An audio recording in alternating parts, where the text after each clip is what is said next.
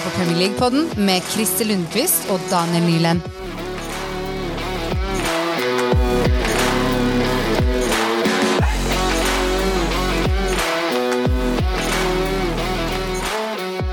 Hei og velkommen til Premier League-podden, en podkast som oppsummerer ukas viktigste nyheter fra Premier League. Mitt navn er Christer, og jeg sitter her som alltid med Daniel. Hallo, Daniel. Hei, Christer. Hvor, hvor er leget ditt? Fotballmessig dårlig? Ja, det, det er forståelig, og det kommer vi til. Ja. Eller det går greit ellers, må jeg si. Det jo det. Går dårlig med Det var, det var en uh, trist søndag på aftan der, på kvelden, må man jo kunne si. Ja, fra å være heie på en klubb som til vanligvis hadde hvert fall en tendelse å tape med den type sifre som du har uh, opplevd nå i helga.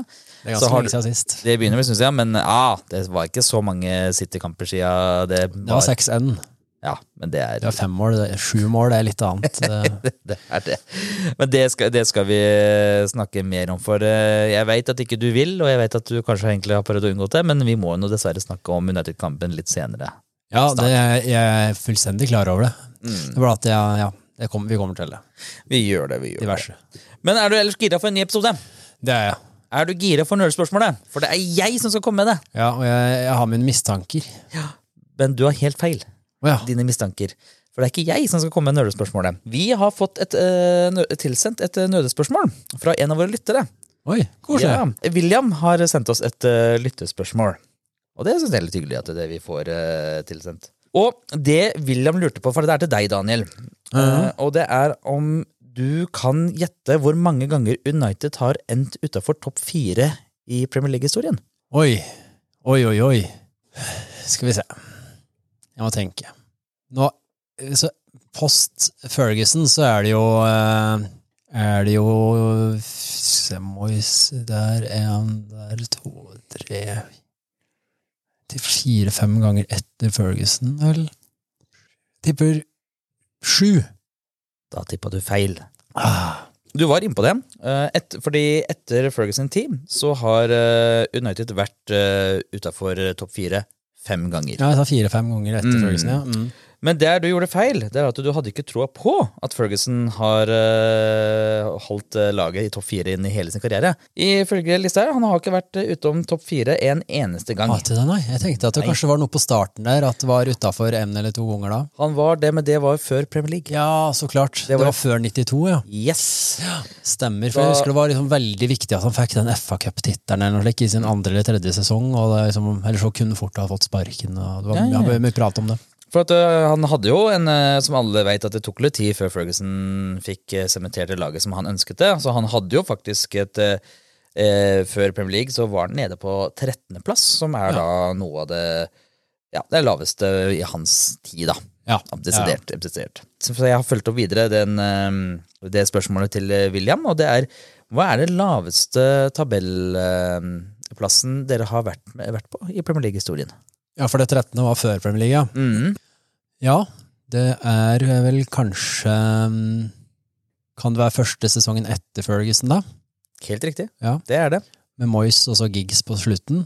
Da endte man endte vel på Kan det være sjuendeplass, da?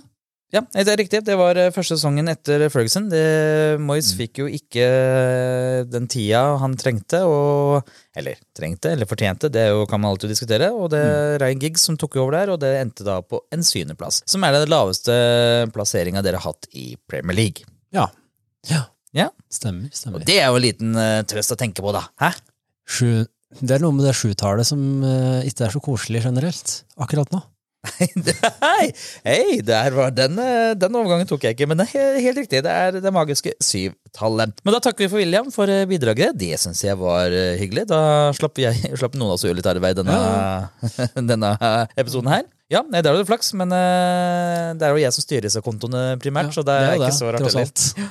Så har det noen her som har noe mer eh, spørsmål som vi skal teste ut eh, Daniel med, så er det bare å sende inn, så skal jeg grille denne Ja, for det, lille det, det som er litt av problemet der, det blir jo da i så fall bare spørsmål til meg. Ja, Og jeg må sitte og pugge noen sånne årbøker noen år, der Premier League eh, 97-98 season-pugging og sånn. Åh, det er, eh, det er tung, eh, tung eh, lektyr. Men jeg har jo Jeg sendte jo bilde av det på vår Snapchat. Jeg har jo begynt nå å Eller har kjøpt en ny bok som kom ut av eh, TIFO. Som er fra The Athletic, som jeg syns er ganske interessant. da. Og det er jo en bok som rett og slett handler om hvordan man faktisk skal se på fotballen. Det er en eh, slags sånn eh, ja, type 70 regler, jeg husker ikke hvor mange regler det er snakk om, som eh, egentlig forteller litt om hvordan skal du egentlig se fotballen for å forstå fotballen. Eh, regel nummer én, ikke se på ballen, og så begynne å forklare. Og det er egentlig ganske interessant, for du får litt sånn dybde sånn her, eh, i forhold til strategi, litt sånn eh, taktikk. Det er veldig nerding, veldig nerding på høyt nivå, men det er i hvert fall en liten bok jeg anbefaler for de som har lyst til å prøve å forstå spillet mer enn bare det at det er veldig bra at den spilleren skårte. For den tar seg Ja. litt utafor den usynlige mannen, vet du. Den, Bevegelser uten ball og Ja. bevegel, liksom bevegelser i forhold til Altså motsatt bevegelse. bevegelser. Ikke sant? De som kanskje ikke er borte så mye i ballen, men gjør en viktig rolle i kampen. Og ja, andre masse sånne taktiske nerdeting som jeg syns er veldig gøy å nerde i, da. Så det var et liten tips. TIFO, How to watch football. Og med det så tenker jeg vi rett og slett skal eh, begynne å bevege oss eh, til favorittspalten for denne episoden her, og det er runden som var.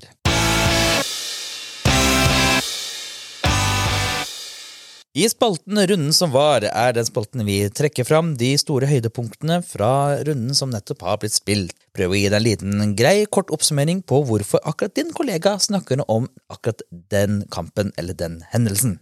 Har ikke bare blitt eh, spilt Premier League denne runden her, det har også blitt spilt eh, noen par FA-kamper eh, siden sist, og da tenker vi rett og slett vi må ha en liten oppsummering hvordan det gikk i den gjeve britiske cupen. Så Daniel, du har jo tatt en liten skikk på det. Ja, det var jo åttedelsfinaler i midtuka for ca. en uke siden nå. og Det tar bare raskt egentlig gjennom. Eh, Brighton vant jo mot Stoke, gikk videre. Fulham gikk videre mot Leeds. eh, City gikk videre mot Bristol, og Burnley og Manchester United gikk videre i henholdsvis mot Fleetwood og Westham. Det er tre resultater her som er litt mer interessante enn det. Og det er jo for det første Blackburn eh, slo Leicester 2-1 på, på bortebane i Leicester. Så det er jo da en championship-klubb der eh, har slått ut en Premier League-klubb der.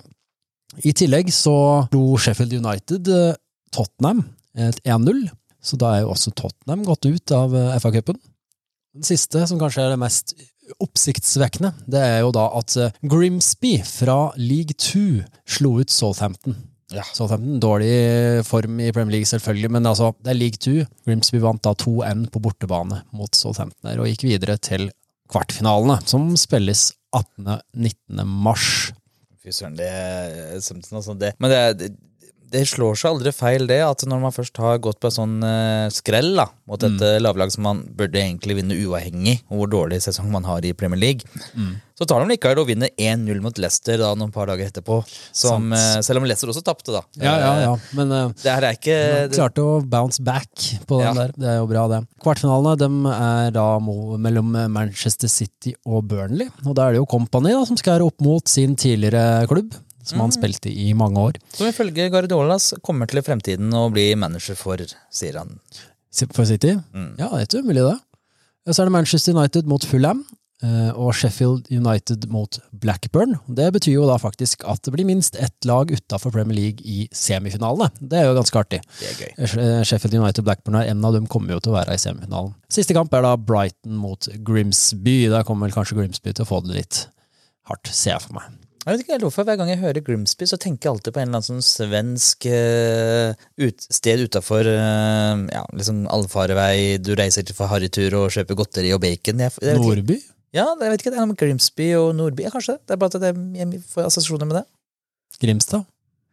Der har du det. Det er Grimstad som jeg driver og assosierer med. Ja, som ligger sør, øst på Sørlandet. Ja, Vi sier det. Ikke så veldig svensk, men det er, det er i Norge. det er det er, Det er kanskje, nå jeg tror jeg bare jeg som surrer bare her. Ja, det tror jeg. Ja, ja, ja. Men ok. Ja, ja, ja, eh, eh, vel, nå er jeg ikke her for Nå er ikke podkasten til Einar Tørnquist. 101 land å snakke om, eller hva det heter. Det er uh, 198 land, iallfall. ja, vi, vi sn- vi snakker om fotball, vi nå. Nå fokuserer vi på fotball. Ja, du kan få lov til å gå på den kampen du har vært deg ut fra runden som var. du, Ja, vi velger jo som regel ut én kamp hver, og så har vi jo hovedkampen som vi har avgjort fra forrige episode. Og den kampen som jeg har lyst til å trekke fram her, er jo eh, Arsenal-Bournemouth, som endte jo 3-2. Mm. Og det her var jo en Altså, alle elsker jo en comeback-historie. Ja, og alle elsker jo egentlig en underdog som, eh, som vinner mot uh, ligaleder, da, som Arsenal er, men det hviler seg ikke. Nei, sånn sett så fikk man jo egentlig det beste, beste av to verden her, egentlig. Arsenal fikk jo en real kalddusj da Billing skårte på nesten åtte-ti sekunder, mm. rett fra avspark i hvert fall. Jeg har skjønt at det, det skal være det nest raskeste mål, vel, omtrent, tror jeg, i Premier Leagues historie. Shane Long er vel den som har det raskeste, som var på sju sekunder. Ja, nei, De eh, virkelig var på hugget med en gang. Og klart når mål nummer to kom på en corner i 56. minutt, da plutselig leda Bournemouth 2-0, så så det jo egentlig ut som dette her skulle bli en sånn eh, typisk eh, skrell der en topp fire-lag går mot, eh, går mot, mot et bunnlag, som man hører bør ser i ny og ne. Men nå skal vi si så at eh, i løpet av den kampen her, så når man ser på tallene, så ser man det at eh, blant annet Arsenal hadde 31 skudd mot Bournemouth sine fire skudd. Hadde 80 ballinnehav mot uh, de 19% ballinnhavet til Bournemouth. Og bare se på hvor mye feilpasninger altså De hadde bare 58 eh, treffsikre eh, pasninger av Bournemouth her. Så skjønner man det at kampen her var virkelig ikke ferdigspilt på noen måter. Nei, nei. nei. Nei. Så Thomas Party Starta partiet. starta partiet med, på, med førstemålet på en uh, corner. Og ikke så lenge etter så kom, eh, skårte Ben Waitz i første mål for Arsenal, også på en corner. Og da, eh, som egentlig denne kampen her starta, på siste minuttet av overtid, så klarte Nelson å skåre for Arsenal. Og det må vel være sesongen hittils største comeback. Ja. Det kan, Sikret, ja. Ja, omtrent. Så ja, veldig, veldig bra comeback, ja. Det er jo det, rett og slett. Litt kje, altså, jeg syns det var litt kjett egentlig da, at det skjedde, for det, jeg vil jo at det skal være jevnt i toppen der. Det gjør jo at, eh, at både City og Arsenal rykker jo fra de resterende på topp eh, seks der. Så Ja, hadde det, vært i tap der, så hadde det vært liksom litt kortere opp til førsteplassen. da. absolutt, men det gjorde jo det at uh, Southampton skulle ha gått fra sjuendeplass til nittendeplass. Ja, de Så- er over Bournemouth nå på målforskjell, er de Ja, ikke det? og det, er, ja, og det er vel lenge siden Southampton har uh, rykket seg ned fra bunnen her, så Ja. det skapte i hvert fall noe. noe eh, Det er sant. Det ble jevne, eller eh, ikke jevne, jo, kanskje jevnere i bøtten, da, faktisk. Det hadde vært det jo. Ja, det er det. Det er eh, fortsatt like jevnt der, og ja, første- og andreplass er vel ganske så spikra. Det ser sånn ut. Det er jo det, dessverre. Ja. Men eh, hvem som vinner, er jo ganske åpent, da. Det er det. Mm. Det er vel ikke så mange poeng, tre poeng mellom. Det er fem poeng imellom. Ja. Ja, så det er klart. Liten gap der. Men det var den kampen jeg vil velge. Altså, som sagt, alle, du, som du var inne på, alle elsker en drug, alle elsker en comeback.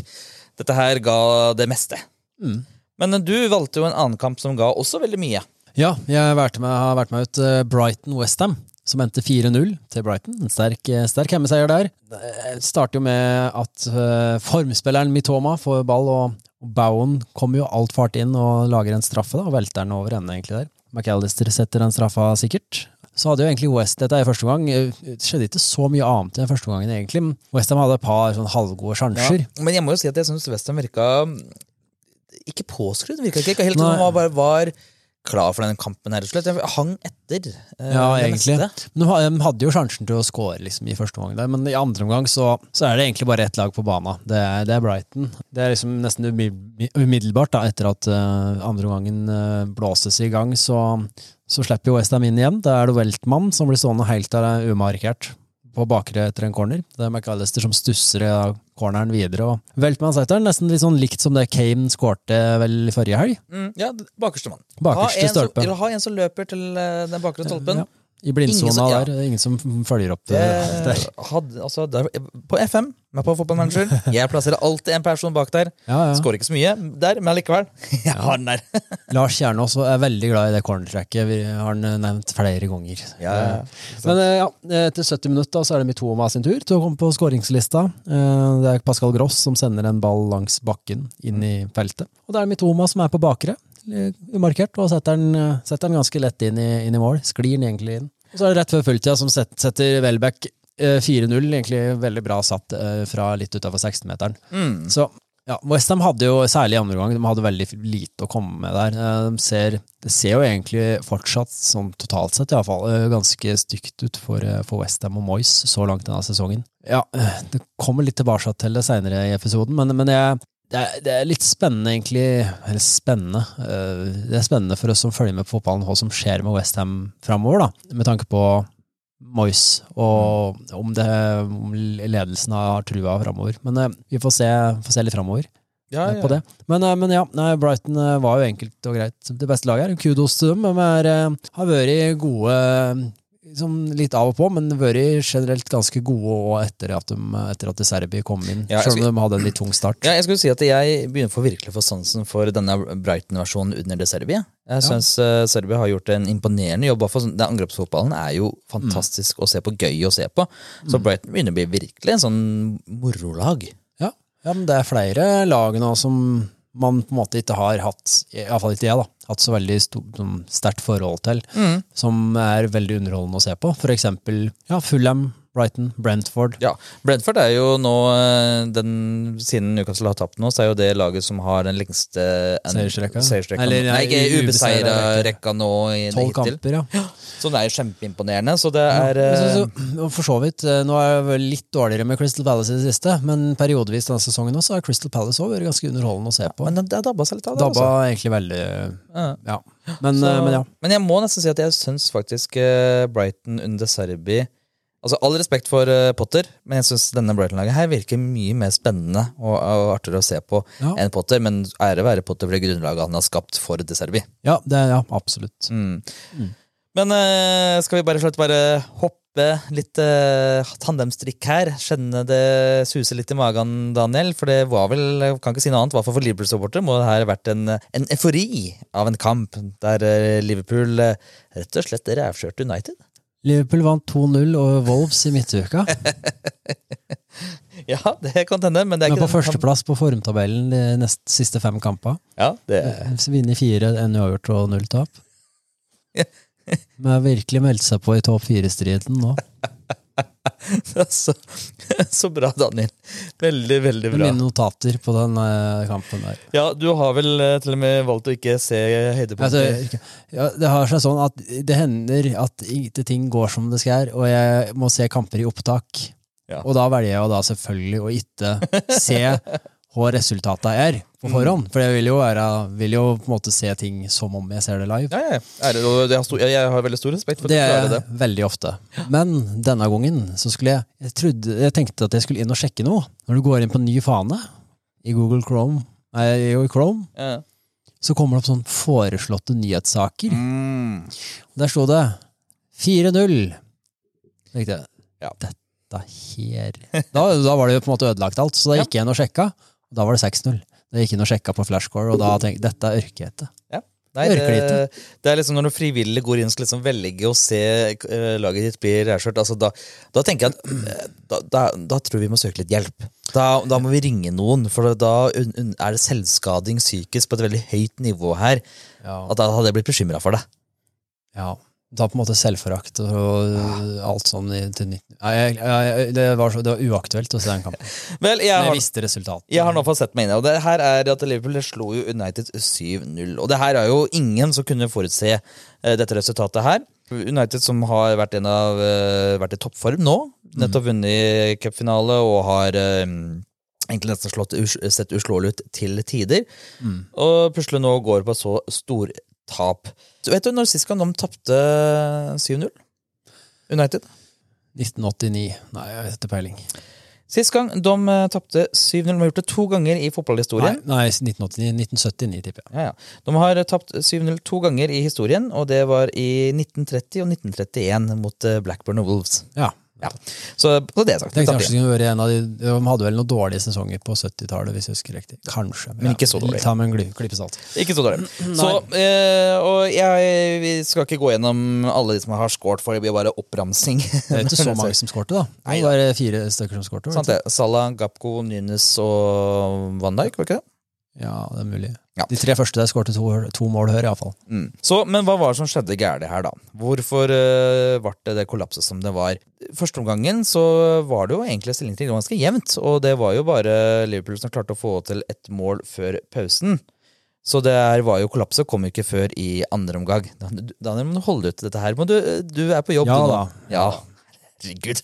Må du følge med. Så jeg har sett litt på da, hva, eh, det som gikk gærent her. Og nå var jo det at Ten Hag endra jo om taktikken litt i denne kampen her. Så Blant annet Weghorst eh, var jo trukket egentlig litt mer til midtbanen og spilte mer eller mindre som en nummer ti i denne kampen. Det har han gjort mange ganger. Mm. Som medførte det at uh, Rashford var på topp, Bruno var på eh, venstre, Høyre eller venstre? venstre mens Ja, Anthony var på høyre. Ja. Og skulle presse, presse Liverpool fryktelig høyt oppe. Men klart, det her er jo en svakhet med den- denne taktikken her innebærer jo det at uh, du har en av disse bekkene. Uh, enten så var uh, Robertsen umarkert, eller så var Trent umarkert når de presset så høyt oppe. Som hadde jo alltid en mann ledig fri. Og, og den taktikken er jo egentlig ganske farlig når du har så mange enkeltspillere. For at taktikken baserer seg på det at Ten Hag går ut ifra at hver spiller skal kunne vinne én-til-én-duellene. Så at hvis du plutselig da glipper da, det ene duellen, så har det plutselig det åpnet seg mye rom. Og da som eh, det var egentlig mye av det som skjedde. Robertsen hadde plutselig et, eh, var jo umarkert, fikk ballen. Fred tror jeg gikk som opp på møten. Eh, Robertsen vant duellen. Gapko fikk ballen. Klarte også å ria seg Dalot. Og da gjorde det så at han kunne skåre det første målet. Så det er jo egentlig litt sånn, det her er jo en taktisk tilnærming som er litt sånn tveegget her, da. Når du baserer deg på at, en, eh, at spillere skal vinne disse én-mot-én-duellene, så er det sånn, du har ikke så mye marginer på det nivået der. Du kan ikke gjøre så mye feil. Så det man egentlig fort ser, er jo det at eh, når, ettersom det første målet gikk inn, så plutselig begynte det å bli enda litt mer eh, stress i eh, United-laget. som endte med det at eh, det kanskje gjorde enda mer feil. Og jo etter hvert som mer mål inn, jo mer stress, mer feil. Og det bare egentlig ble bare en ganske vond spiral taktisk som medførte at Liverpool rett og slett klarte å komme seg opp til syv mål. da. Og det er jo egentlig litt kort forklart hva var det som faktisk gikk gærent i denne kampen her. Var det her en litt mer naiv tilnærming? Altså har rett og slett Ten Hag sett litt for mye på Liverpool i sesongen og resultatene mer enn faktisk hvor gode spillere som fins på det laget der?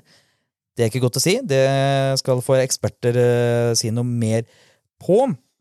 Men det som er ganske sikker på, at dette var for en eh, taktikkvri som han gamblet på, som ikke lønnet seg veldig tydelig, da. Men det skal sies at Liverpool hadde 18 skudd, men bare 8 av dem var mot mål. Så de skårte jo 7 Skårte av 8.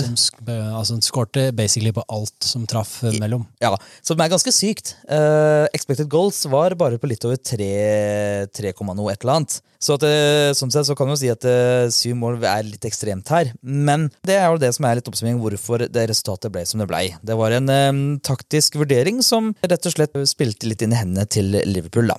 Det stemmer nok, det, men også er det jo Ja. Det, det, man må, ja. Jeg har sagt det flere ganger. Selv om jeg ikke har tenkt at det skal bli 7-0, så har jeg tenkt hele tida at det kommer jo til å komme dårlige resultater. Dårlige prestasjoner, dårlige resultater når du har ny manager. Det er fortsatt ferskt med Ten Hag som leder i det laget her. Man så det mot Westham, det var United Westham i midtuka. Det tok jo ganske lang tid før United klarte å snu det til Det ble jo 3-1 til slutt, men det, to av måla kom jo fra 90 og ut.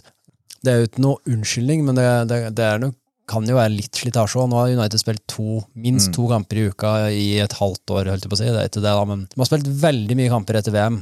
Mer enn alle andre, egentlig, og det, det kan nok hende at det, det er noen som begynner å bli litt slitne her òg. Ja. Sy, altså ikke bare i beina, men sånn i huet, at man ikke klarer å holde fokus. Og. Ja, det, det, det, det er ingen unnskyldning til å tape 7-0, men det, det kan være noe av grunnen til at det, det går opp i liminga da, når de først har sluppet inn to-tre mål. det er han som Jeg leser litt analysen på dette herfra. Da. Det er ikke, nå er ikke jeg en taktikkekspert som jeg kan si at det er jeg som har sett kampen og gjort denne analysen her. Eh, Dette er jo eksperter som har sett på. Og Man kan sammenligne mye med dette her på Bjelsa. De gangene det gikk galt med Bjelsa når han ble overkjørt, er litt akkurat det samme. Du kan se samme mye paralleller til de kampene. Både med litt den der eh, taktikken der at når det først går galt, så går det virkelig galt. Fordi både spillerne er slitne og ikke henger med og gjør Og når de ikke er slitne og henger med, som jeg var inne på, så klarer de ikke å gjøre de én-til-én-duellene så bra som de må gjøre de på ikke det å være tighte i, i ledd. Altså, det blir for store sprik mellom ledd, og, og man klarer ikke å presse to om gangen, for eksempel, opp i mann, og Mm. det blir eh, rom for fordi man ikke orker å spurte hemover. Og, Mm. ja. Men det kan være det. Eller så kan det være det at eh, Weghorst, eh, når han gikk ut på banen, eh, tok og løfta hånda si og eh, tok på Liverpool-logoen. da. Det kan også være det òg. Rett og slett fotballforbannelse. La oss kalle det det, som en verdens dårligste unnskyldning. for det. Det kan jeg tro på. Men vi kan i hvert fall si det at eh, med etter denne kampen her nå, så er Salah nå Liverpool mest skårende spiller i Premier League. Gått over eh, Robbie Fowler der. Ett et mål over, vel? Det kan stemme. Så det var det. Eh, Daniel, nå skal vi du få lov til å eh, Skal jeg være varm? Kan du få lov til å så endelig få lov til å nyte resten av podkasten her, og ikke se så eh, ubekvem ut der du sitter. Fordi vi skal videre. Men som alltid, det er fortsatt mye vi skulle ha sagt. Det er mye vi ikke rekker å si, og det er mye vi skulle ha nevnt. Så vi får bare gå til vår lille studio for å nevne det. Solomon klarer ikke å slutte å skåre mål. Tony klarer heller ikke å bomme på straffe. Han har skåret nå ti av ti i en eh, kamp som endte 3-2 for til Brentford over Fulham. Men den som klarer, tydeligvis, å bomme på straffe, det er James Ward Prowse. Allikevel vant Southampton den viktige kampen mot Leicester 1-0. Det var viktig for nedrykksridende.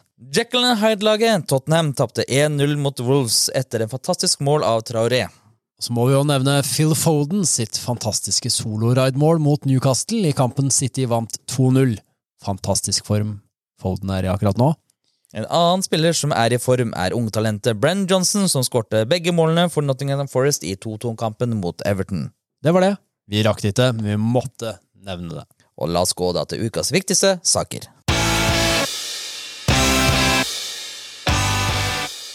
Ukas eh, viktigste saker det er eh, spalten der vi tar opp eh, litt nyhetssaker som påvirker Premier League direkte eller indirekte, og ser litt på hva disse sakene handler om, og bruker vi et par stykker. Denne gangen så er det faktisk bare en sak vi føler vi bør prate litt ekstra om. Det er en sak som egentlig har rulla godt ei stund, men som nå faktisk Det har skjedd noe litt mer håndfast, som gjør at det er naturlig faktisk å prate litt ekstra om det denne gangen. Og Christer, du, du kan jo starte med det du har sett på i denne saken. Ja, tidligere Newcastle-spiller og i dag toppskårer for Brentford, Ivan Tooney, har blitt anklaget for å ha brutt bettingreglene i England, eller i fotballen. Mer konkret, før jul så ble han anklaget for å ha brutt regelen da over 262 ganger. Ja, det er ganske mye. Og det, disse anklagene her, det gjelder da fra 2017 til 2021. Så hva som har hendt etter det, det er jo ennå ikke i så fall kommet fram. Og han har nå tilstått eh, flesteparten av eh, disse anklagene, men har jo nektet for noen, da. Men eh, hvor mange, det vet jeg ikke. Men han eh, har jo fått tilstått flesteparten at de er korrekt. Og det gjelder blant annet å ha tipsa en eh, hvert fall ryktene skal sies, altså ta her med en klype salt, men blant annet skal ha eksempel ha tipsa eh, en bror sin eller en kompis av å bette på en overgang til Valencia i 2017, for eksempel. Hva spillere har lov til å gjøre av betting, så er det nesten lov til å si hva er det de faktisk har lov til, og det er ingenting. De har ikke lov til å bette på noe Nei. fotballrelatert i hele verden. De har ikke lov til å tippe på japansk andredivisjon på en måte en gang. Helt riktig, det er nulltoleranse for England, dette. Ja. Så det er jo det som egentlig er rett og slett saken, men det er, det er mye, altså. Det, er mye. Så, det som er problemet litt, er man veit jo ikke på en måte alvorlighetsgraden i eh, anklagene. Mm. Det er jo å tipse noen om at en spiller har, blir, kommer til å bli signert av Valencia, Valencia. Det er noe ganske annet enn å for, uh, borderline kampfiksing, da. Som Mm. man sier at eh, jeg kommer til å gjøre det, eller i, en kamp du spiller sjøl, eksempel. Det er noe ganske annet. Så, Absolutt. Det, det, det, er igjen et nytt nivå. Ja, jeg så man tenker, veit jo ikke hvor alvorlig det her er, heller. Men det, men det kommer vi til å finne ut Vi kommer kanskje ikke til å finne ut nøyaktig hva han er tippa for, men jeg tipper at eh, konsekvensene kommer til å gi oss en pekepinn Mm. hvor hen i skallen ligger hen. Og da, du har jo sett på hvilke konsekvenser egentlig han Tuni kan risikere her. Ja, ja for det her, det her kan jo få store konsekvenser for, eh, for Tuni, og for så vidt Brentford òg, som mister en av sine viktigste spillere. Men for Tooney da, det kan få store konsekvenser både på kort og på lengre sikt, da, med tanke på karrieren hans. Eh, Sky Sports melder jo da at det er forventa at han blir suspendert i seks måneder. Og den suspensjonen vil jo da inkludere de sommermånedene som er uten Premier League, så Brentford vil nok gjemme at eh, denne her suspensjonen skal starte så fort som mulig, vil jeg tro. For at ikke de skal miste han i hel halv sesong, for eksempel. Men ja, nei, det er jo den lengden på suspensjonen, den kommer jo selvsagt an da på hva han har betta på, eller hva han har tipsa folk om. Jeg har lest litt sånn forskjellige saker da om eh, hva som virker som vanlig straff for, eh, for forskjellige eh, brudd på disse reglene. Det virker som om det er mye fire til seks måneder-aktig. Men uh, om han har betta på kamper han sjøl har spilt i, for eksempel, så virker straffa å bli en del strengere. The Athletic har for eksempel skrevet at Lincoln City-forsvareren Bradley Wood han var ban ble banna i seks år i 2018, etter at han dreiv og mm, med, fikk gule kort med vilje Ja. i cupen uh, Men- Men da, da er vi på, liksom, da er vi på Jo, jo, kampfiksing, ikke sant? Ja, ikke sant? For Mm. da blir det på, Da nærmer det seg kamp, kampfiksing, da. Og det, da fikk han seks år. Så det, det kan jo bli strengere enn seks måneder. Uten tvil. Men Det kommer jo da an på hva han har gjort. Jo, hvor mange av disse tingene han har gjort, er eh, på en måte alvorlige, og, dem, og mange av dem er måte litt mer fillesak, da, man skal holde det. Men eh, ja, det er alvorlig nok, og med tanke på lang sikt, altså Dette er kort sikt, da, kan man si, eh, om det blir seks måneder. Men det er jo noe med lang sikt og som jeg har tenkt på, da. Det er jo noe med liksom eh, rykte, renommé for en klubb, da. Å ha en spiller som, som Si han får ett og et halvt års utestengelse, da. Så er det noe med åssen hvilken klubb som ønsker at han skal spille hos dem, med tanke på Han, han har jo dette, kommer jo til å ha det her hengende med seg. Men det er en ting her som jeg syns er fryktelig ironisk og merkelig. Altså, skal ikke unnskylde Eivind Tuni, det er gærent det han har gjort, fordi at det er rett og slett han sitter med andre typer informasjon som oss dødelige ikke har. Men jeg ser det veldig ironisk at når han skulle ta den straffen i helga Så det vi kan se da, på eh, løpet av de fire-fem minuttene fra straffen ble gitt til kampen blir eh, spilt etter målet er skåret, så ser man da først at Tuni, med sponsorlogo på seg av Hollywood Bet, skårer mål på Leno, som har logoen eh, W88, som også er en sånn bettingselskap. Og løpet av den tida der, så ser du på de reklameskiltene utafor banen. Så ser, har det da løpet av tida der vært reklame for Bet365, Betway, Unibet og Hollywood Bet igjen. Det er noe det er noe herlig ironisk her, syns jeg. Gjennomsyra av eh, bettingselskaper, ja. Ja, Det er jo det. er, og liksom du tenker litt sånn ok, Vi skal kjøre hard linje mot betting. Vi kan bli sponsa av betting, men vi skal blinke bettingselskapene i trynet på fotballspillerne så det ljomer etter. Dette her er jo unge gutter som eh, vokser opp med altfor mye penger og spenning. Jeg må si at jeg har ikke Det, det, det er noe rart her. Ja da, det det er på en måte litt eh, Det blir på en måte litt dobbeltmoralsk òg, da. Mm. Eh, Det er jo klart at eh, hvis man spiller på kamper man er en del av, eller spiller på den ligaen man spiller i, så blir det noe annet. Men hvis han hadde mye, brukt mye penger på å spille på norsk fotball, eksempel, Mm. så hadde jo ikke det hatt noe å si, egentlig. Men dette, det handler jo litt om åssen eh, inntrykk folk har av eh, Premier League, og åssen Altså, det man skal være litt en reklameplakat for Premier League òg, at det, det ikke skal liksom gjøre at unge skal begynne å spille masse penger på fotball, eksempel. Mm. Men alt av reklame omtrent er for bettingselskaper samtidig. Det, det, det er noe litt ironisk over det. ja. Mm. Eller ironisk, det er kanskje feil. Det, Hyklerisk. Hyklerisk, ja. Mm. ja. Det, er det, det vil jeg påstå. Men nå, klart, nå ser man på regler som kommer til å kanskje fort å regulere og begrense eh, sponsorer av bettingselskaper. Så det, det, det skal vi nok Og det kommer sikkert til å komme i denne podkasten her når eventuelt en sånn Ja. regel kommer. Men Daniel, klarer du å huske noen navn? For du snakka om det med karriere på hvordan det kommer til å påvirke karrieren til Eivind Mm. Klarer du å komme på noen kjente fotballspillere fra Premier League som har blitt eh, Ja. Ja. Joe Barton, for eksempel. Helt riktig. Joe Barton. Fikk vel seks måneder, tror jeg. Det kan stemme. Det orker jeg ikke å scrolle med ned her. Har du noen andre navn du Ja, klarer å det komme på? er en til um, Ikke, ikke Gascoigne, men um, åh, Matt Letizier. Letizier, ja. Letizier. Mm, det stemmer. Noen andre kjente fotballspillere? For det er noen flere. Hva Ja, noen par ja, her som du Kieran kan Trippier. Ja, stemmer det. Trippier. Trippier, eh, også en Newcastle-spiller, ble tatt for det. Var, han, var det da han var i Tottenham, eller var det Mm. Ja. Mm. Stemmer Det Det var det. det jeg kom, kom på med det første. Og så har vi Dan Gosling. Han har blitt eh, tatt for det. Og så er det siste som jeg synes, eller to til som jeg syns er verdt å nevne. Andrews Townsend har mm. blitt eh, tatt for uh, eh, betting. Det er ikke noe, dette går dårlig. Det er Newcastle, vet du. Så må du prøve å få inn litt, få inn litt ekstra gryn. Du tjener så dårlig. Tydeligvis. Han, Nei, eh, ja, ja, Trippier var ute der, da, men nei, nei. Og så har vi da Daniel Sturridge. Ja, stemmer. Det var da han var i Tra- var det det? Mm, stemmer det. Så det er uh, Han er jo i et godt lag her, da. Er han det? Tja, Ja. det, er- ja. Det Jo, godt. det hadde nok vært i et bra lag. Ja, det hadde vært eh, all- Alle disse her på sine toppform-peaks. Ja, Ja, ja, ja. absolutt. Det er uh, innafor der. Så har du jo andre Premier League-spillere som eh, Scott Cashett og Wayne Shaw og uh, Martin De Michelis og Cameron Jerome og Jordan Michaelis, Stevens. ja, i, fra City. Ja. Så det, det er de elleve som i hvert fall er mest eh, profilerte, som har blitt tatt for eh, betting i Premier League. da. Mm. Så det er litt artig. Men eh, for å nøste litt sammen her, da. Det, det, blir jo en, det blir en spennende sak å følge videre. For det, det er jo det, det kan være ganske krise for Brentford å miste han i kanskje opptil et år, da.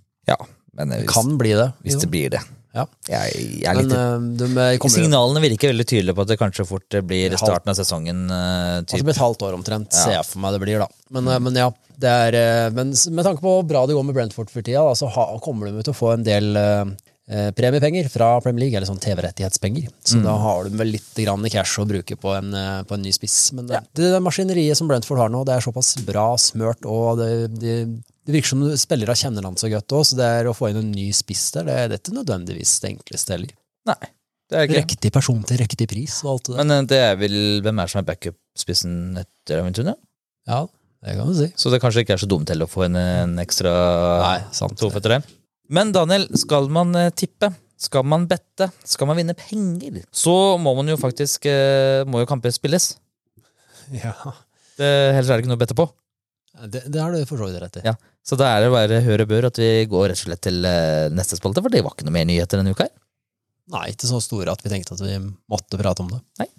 Kan i hvert fall nevne at uh, han uh, Slavin Billers har nettopp blitt sparka Watford i dag, da, hvis det hjelper noe. Ja. Ja. Det er championship. Da er det han som tar over uh, Westham etter hvert, da. Gjør en liten comeback der, ja. og Chris Wiler har uh, tatt over Watford, da, hvis du lurer på Ja. Tidligere så, uh, Sheffield United. Yes. Det var da championship-hjørnet. La oss gå til runden som kommer.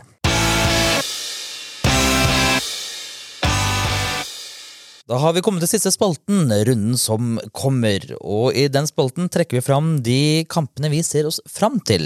Og det kan være selvfølgelig av diverse grunner, av enten historisk, det kan være spennende.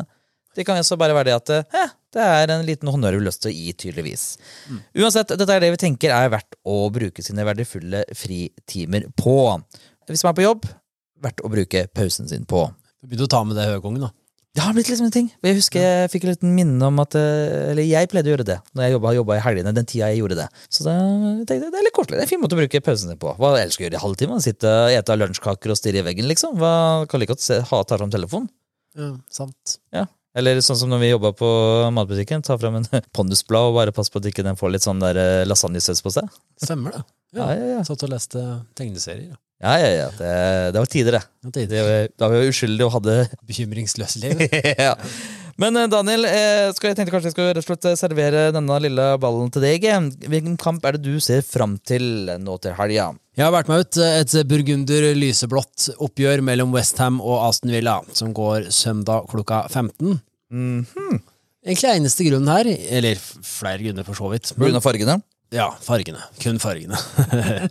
Nei, det er, det er, det er jo det, Jeg syns det er eh, Spennende er kanskje litt sånn feil ord. Eller det er jo spennende, men jeg, jeg er spent på å se, iallfall, åssen Westham takler eh, situasjonen de er i, om det fortsetter som de er. Ikke at de har vært i den sånn forferdelige form i det siste, men det, det går generelt ganske dårlig med Westham, syns jeg. Med tanke på spillematerialet de har, og alt det der. Det, de har sånn potensial til å gjøre det mye bedre, føler jeg. Man kan vel egentlig si det motsatte av Aston Villa. At, altså, det går jo går ikke sånn fryktelig bra, men det går jo egentlig veldig bra. De vinner jo 1-0 her og der, og det går jo egentlig sånn, litt sånn Ja, ja. motsatt kurve, kan du si. da. Hvis Westham er liksom litt under i middels der, så er liksom Aston Villa litt på vei litt sånn over der. Aston Villa ser nok litt mer oppover enn nedover, for å si det på en måten der. Ja, jeg syns Emery har fått uh, forholdsvis bra sving på svak, saka i, i Aston Villa, ja, altså. Men, eh, men ja, nei, det Tåler Moyes et uh, hemmetap da her? Det er det jeg er litt spent på òg, da. Dette det at de er, i, de er liksom ikke helt i nedrykksstriden, men det er ikke så langt unna heller. Og så lurer jeg på om er det den første kampen Ings møter sin gamle klubb siden overgangen? Det er vel den første kampen mot, eh, mot Villa, ja, etter Ja. at den gikk fra Så han skal vel møte gamleklubben sin nå, så det er jo alltid litt gøy å se om han, hvordan han feirer den, da. Målet, hvis han scorer. Så det er eh, Han er jo Westham nå. Ja, han er SM nå, ja. Blant, Altså, han Han skåret jo to mål i forrige kamp. Ja, jeg, jeg, klar, jeg, Eller forrige kamp, eller forrige jeg runde. klarer ikke å uh, få han i riktig klubb, Ja. Så når du tenker Danny Ings, da. Ja. Hvilken klubb er det du ser for deg med en gang? Brune drakter, for det er alle fargene er blanda. Hvor liksom bare en mølje liksom av uh... Jeg veit helt jeg ser for meg han litt sånn litt Liverpool altså, han, Det er ikke så lenge siden han var i Liverpool, egentlig, føler jeg. Men Ja, det, er lenge siden. Det er lenge Det er siden. lenge siden. Han har hatt, eh, jeg forbinder mer med Southampton mer enn jeg forbinder med Ja, jeg tenker jo kanskje Southampton litt òg, ja.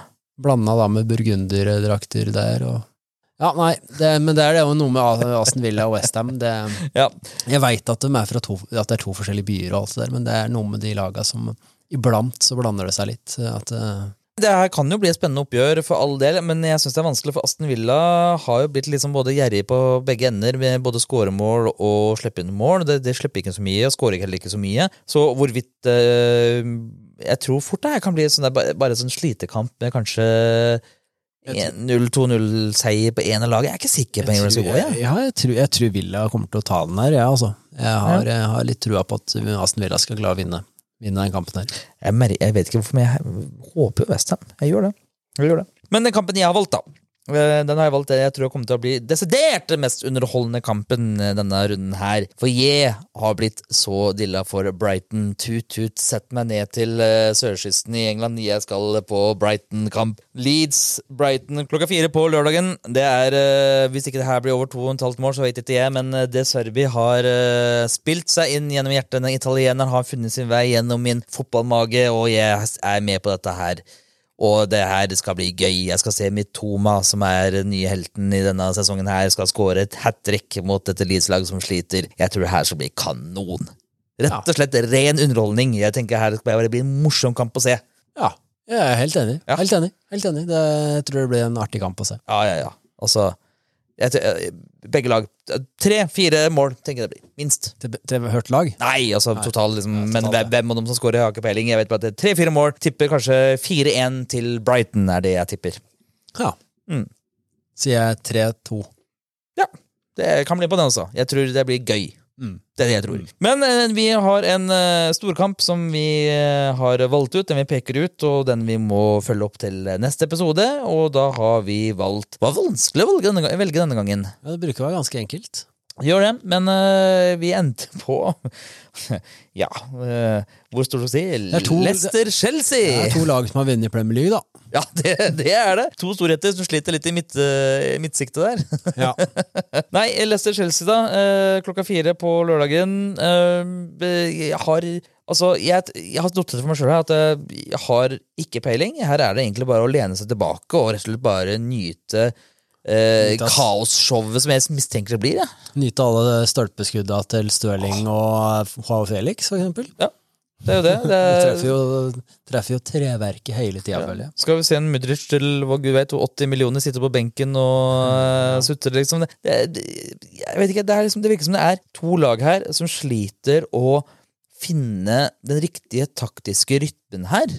Så at det blir litt sånn, litt sånn der, møljefotball uten altså Ok, det er noen der, uten liksom forhold til å se eksempel andre lag som Brighton, da, der du, du ser at det er en tydelig plan. Ok, jeg har ballen her, da skal jeg få ballen dit, for da veit jeg at Mitoma skal komme løpende. Eller Det virker som du ser at du har en offensiv, klar, tydelig plan. Mens når det virker som nå, Leicester og Chelsea har sånn ok, det skal det, er, det løper oss oppover, og så ser vi om vi kanskje Ja, klarer å se noen Ja, og finne noen Satse på at Enzo Fernandes klarer å, å se en person og så sentre det, det, Jeg vet ikke, det, det er et eller annet sånn Det sitter ikke, det er ikke taktikplass. Og det, jeg føler også Leicester sliter også med å finne det. Og det tror jeg egentlig er litt med aldringene av de de begynner å bli gamle, de som spiller her nå, mange av dem, utenom Madison, egentlig. Så Jo, altså, men eh, de, Leicester og eh, særlig kampen som var i helga, det er jo helt sjukt at ikke de skårer mål, egentlig. Mm. For all del, for for eksempel, hadde jo to-tre sånn gigasjanser. ja, ja, ja.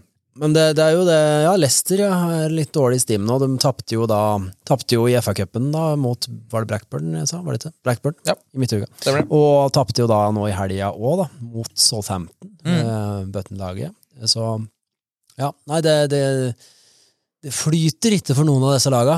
Nei. Men eh, spørsmålet er jo om, om det blir noen mål. ja det, det er jo noe med det, da.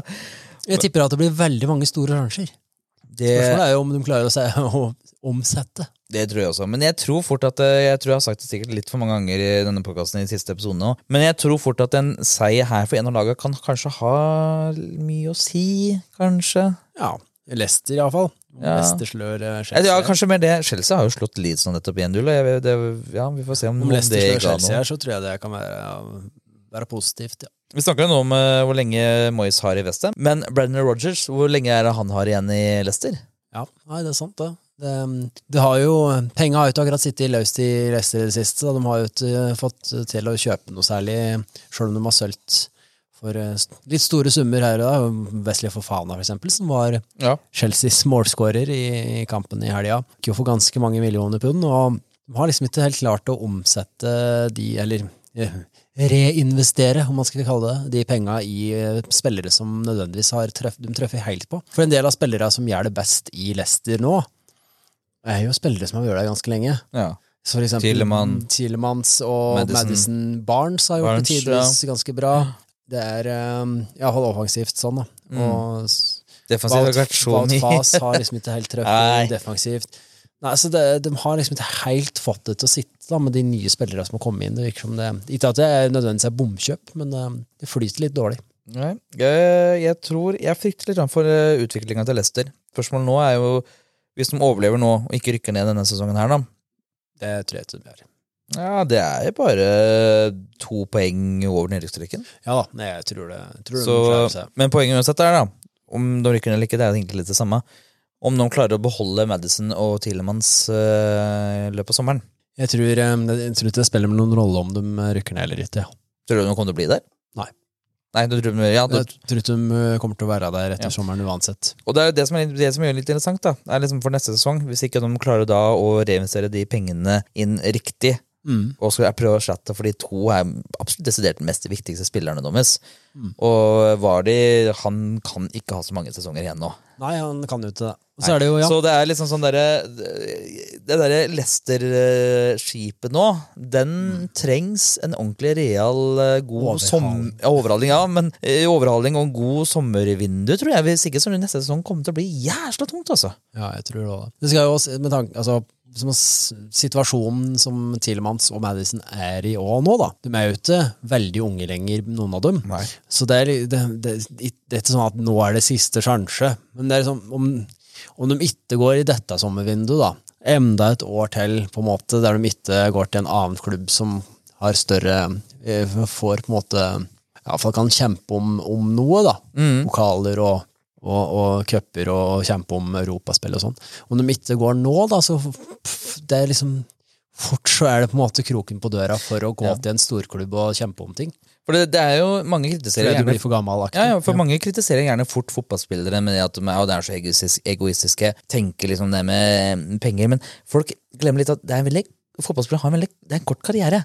Det er det. Det er, du har, mest sannsynlig ti, mak, Mange har maks ti år der du Mm. er virkelig god. Ikke sant? Så at når, når du først har, får en mulighet, da, får et tilbud Ok, jeg kan eh, gå til den klubben der, jeg kan tjene plutselig enda mer penger, jeg kan spille i Europa og få vært med ting som egentlig mange spillere ikke får gjort i hele tatt i sin karriere. Jeg, jeg, jeg ser at selv om du, ja, du har lojalitet og vokser også jeg, jeg må ærlig si at jeg, er ikke så kritisk til spillerne. Går Ward Prowse nå i, fra Southampton når de rykker ned, og ikke blir med til Championship, så tenker jeg selvfølgelig, han er altfor god til å spille Championship, ikke sant? Jeg tror egentlig du skal egentlig være jævla glad for at han ikke han stakk nå i januar, ja. og at han faktisk har lojaliteten til å bli å kjempe nå fram til sommeren, men skal egentlig være bare veldig fornøyd med at han har det, han har liksom det nivået på seg. Så jeg Leicester er en fotballklubb som jeg frykter litt for, eh, og det blir jo en interessant saga hvis det skulle et lag som sjokkerte hele verden, vant Premier League, og noen få år etterpå plutselig ender ned og rykker ned til Championship. Ja, absolutt. Det, det er litt sånn norsk fotball over. Ja, det er det. Det er litt brann. Ja. Brann, for eksempel. Ja. Yes. Ja, men du, det var vel det. Det var denne episoden. ja. Jeg vet ikke om du har noe mer på hjertet? Det noe Nei. du ønsker å si, dele? Håp og tro, glede? Nei, det er Champions League i midtuka, Europaliga og, og Conference League nå på torsdag. Det, det blir jo spennende å følge med på. Hvem spiller i dag nå? Det er, vi spiller på Det er- på tirsdag. Det er Tirsdag, det er eh, Chelsea. Chelsea Borussia Dortmund i dag, iallfall. oh, Det er jo litt gøy, da. Så det er, det er artig kamp. Det var det, mine damer og herrer. Det var episoden. Og eh, hva skal vi si nå? For nå har vi både Twitter og Instagram, Daniel, som vi ønsker å bare nevne hvis noen har lyst til å få tak i oss, eller komme med en eller annen fun fact eller uh, spørsmål. Spørsmål. Hvis det, jeg tenkte at det er litt gøy hvis vi hadde kommet inn flere sånne facts. Jeg elsker jo sånne facts. Ja, ja. Så hvis du har noen sånne facts og du har lyst til å dele, så kan du finne oss på Twitter og Instagram. Og Daniel, hva heter vi på de to plattformene der? Da er det PL-podden med to d-er. Er du litt glad for at vi klarte å få liksom, det navnet på begge? Veldig praktisk. Veldig praktisk. Kan du bare huske bare på én ting? Helt riktig. Nydelig. Det var det. Vi snakkes.